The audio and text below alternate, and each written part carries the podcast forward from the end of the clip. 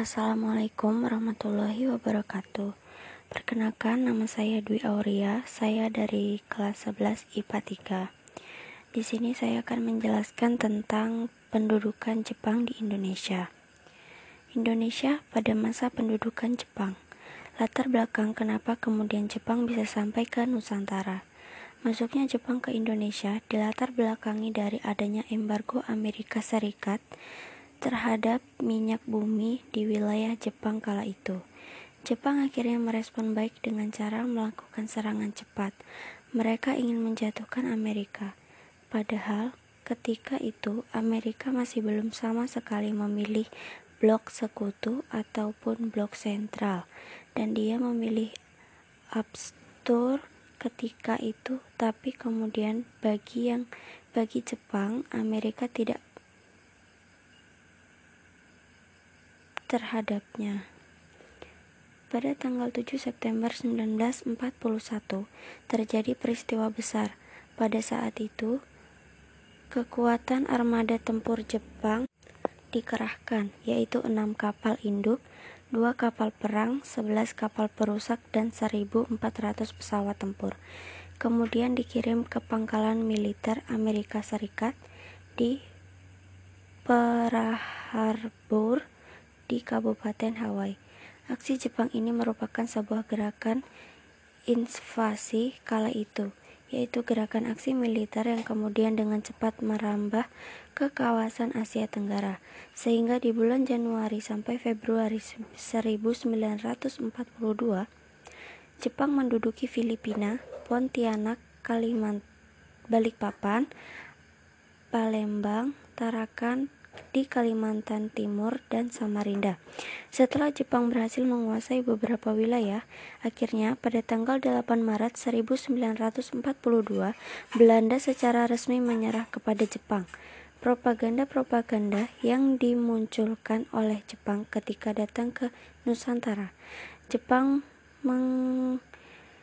mengaungkan sebuah propaganda dengan sebutan 3A. Jepang pelindung Asia, Jepang Cahaya Asia, dan Jepang Pemimpin Asia. Ketika Jepang masuk ke Indonesia, ada empat hal yang kemudian menjadi salah satu PR yang harus diselesaikan oleh Jepang.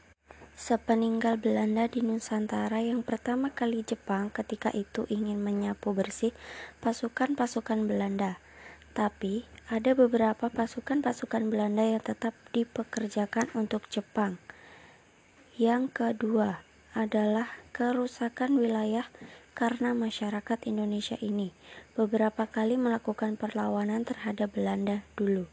Yang ketiga adalah menyusun dan menggerakkan kembali perekonomian Indonesia guna menyongsong finansial perang Asia Timur Raya. Yang keempat, adanya hiperinflasi yang ditinggalkan pemerintah Hindia Belanda. Sekarang kita masuk ke pembahasan tentang bagaimana sih respon masyarakat Indonesia terhadap Jepang. Ada berbagai perlawanan, namun demikian perlawanan tersebut berhasil ditumpas para tokoh terkemuka di Indonesia. Kala itu memang dipandang tidak mau melawan. Namun demikian, bagi tokoh seperti Soekarno dan Hatta, mereka lebih memilih jalan damai karena bagi mereka tidak ingin lagi melihat masyarakat Indonesia mengalami kekerasan.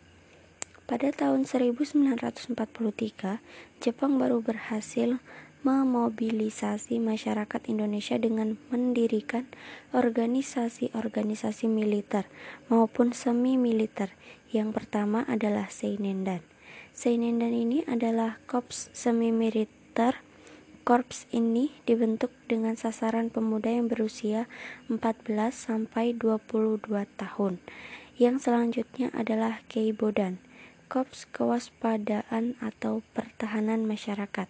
Kemudian di dalamnya berisi puisi pemadam kebakaran dan lain-lain. Yang ketiga di bulan April tahun 1943 juga dibentuk pasukan pembantu Angkatan Darat dan Angkatan Laut yang bernama Heiho.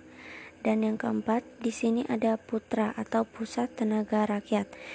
Dan kemudian bagaimana organisasi politik didirikan oleh Jepang adalah yang bergerak di bidang politik, posisinya menggantikan gerakan 3A kala itu. Putra bertujuan untuk membujuk kolim nasionalis dan kaum intelektual untuk mengabdikan pikiran serta tenaganya untuk kepentingan Jepang. Kala itu, yang kelima adalah pembela tanah air atau PETA. Peta ini dibentuk di tahun 1943 di bulan Oktober. Organisasi ini adalah organisasi militer dengan mobilisasi yang bersifat sukarela. Yang keenam adalah munculnya organisasi politik bagi yang bernama Jawa Hokokai.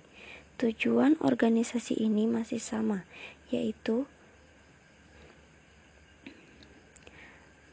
menggantung masyarakat agar mau berbakti kepada Jepang melalui tokoh-tokoh Indonesia yang diangkat.